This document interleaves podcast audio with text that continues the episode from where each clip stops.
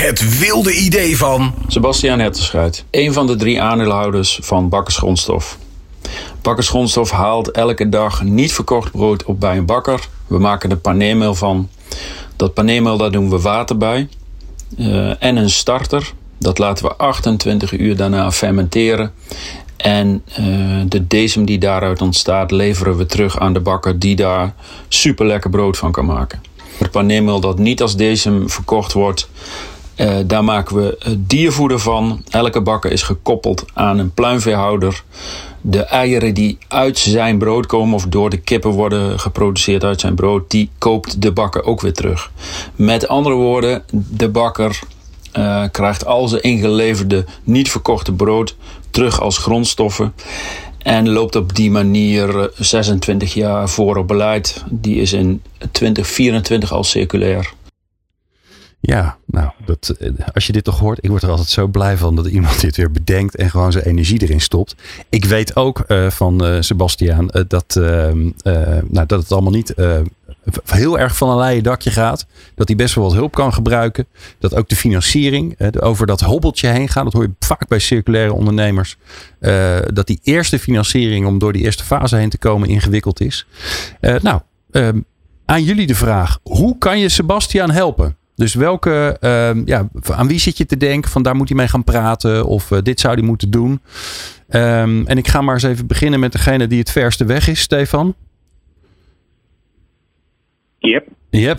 ja, ja. Wat schiet er in je hoofd waarvan denk je van nou, dit, dit wil ik meegeven, zo kan ik Stefan helpen?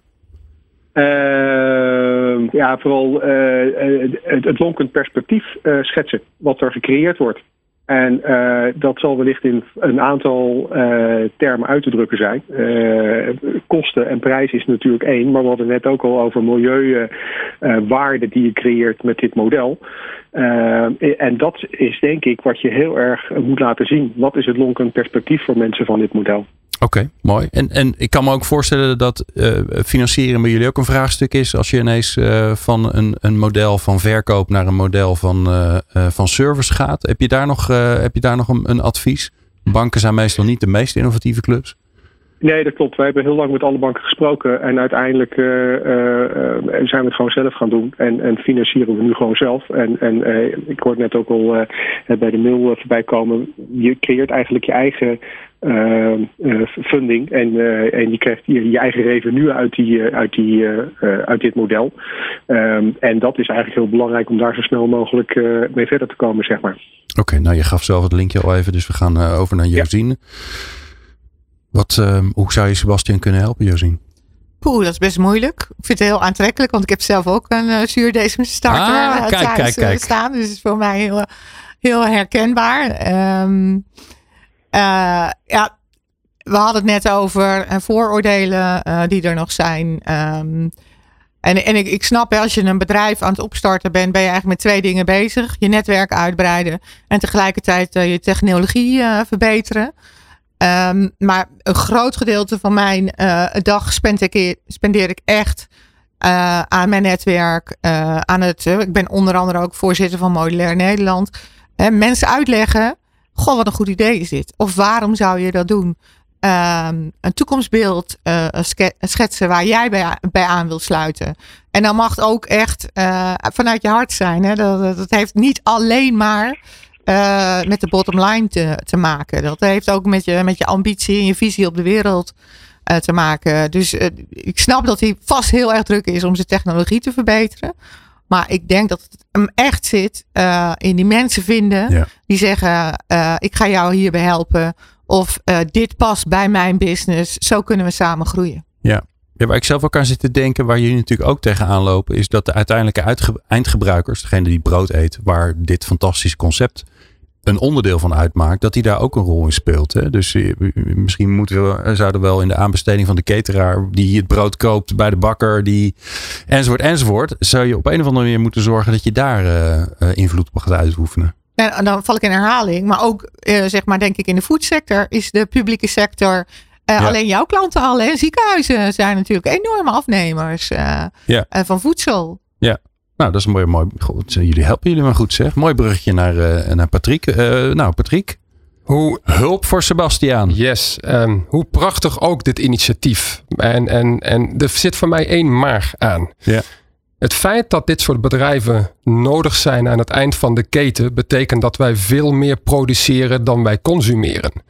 Dus wat ik hem wens, is dat hij zijn businessmodel uitbreidt en is aan het begin van de keten kan gaan kijken. Aha.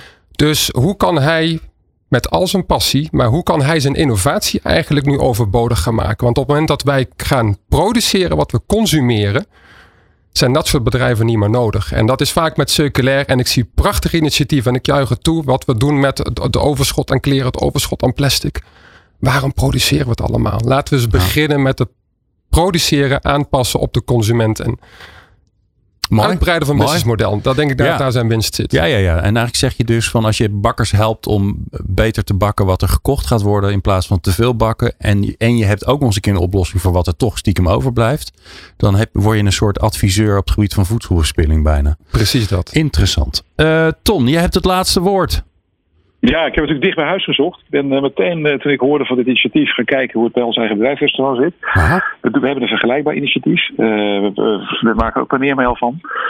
Ons eigen brood dus. En daarnaast hebben we, en dat sluit een beetje aan wat Patrick zegt net, ehm, slimme camera's die in de gaten houden wat er in de groenbak verdwijnt. Eh, en dat weer terugkoppelt via slimme AI-schil naar ons inkoopbeleid. Eh, dus als je heel veel broden of tomaten de groenbak in ziet gaan, dan is het goed, eh, als het goed is, eh, ehm, eh, komt dat terug in, in ons inkoopbeleid. Oké. Dus dat heeft weer te maken met hoe voorkom je verspilling. Heel plat gezegd, ik hoor je ook zeggen iets over de diervoederbedrijven. Nou, als er ergens kapitaalkrachtige bedrijven zijn, dan zijn het diervoederbedrijven. Die staan in de code 500. Dus je zou daar dus eh, langs kunnen gaan als je puur een kapitaalinjectie zoekt. Misschien een beetje te plat en te economisch gedacht. Maar dan, dan zijn die bedrijven volgens mij eh, wel in, omdat ze ook sterk onder vergrootglas lezen de laatste tijd. Goed idee. Eh, en ook moeten vergroenen en eh circulairder moeten worden. Dus Ja. dat zou mijn suggestie zijn. Ja, ja, dus zoek de financiering ook bij de, bij de partijen die je stakeholders zijn. Bijvoorbeeld de keten, ja, diervoederbedrijven. precies. Ja.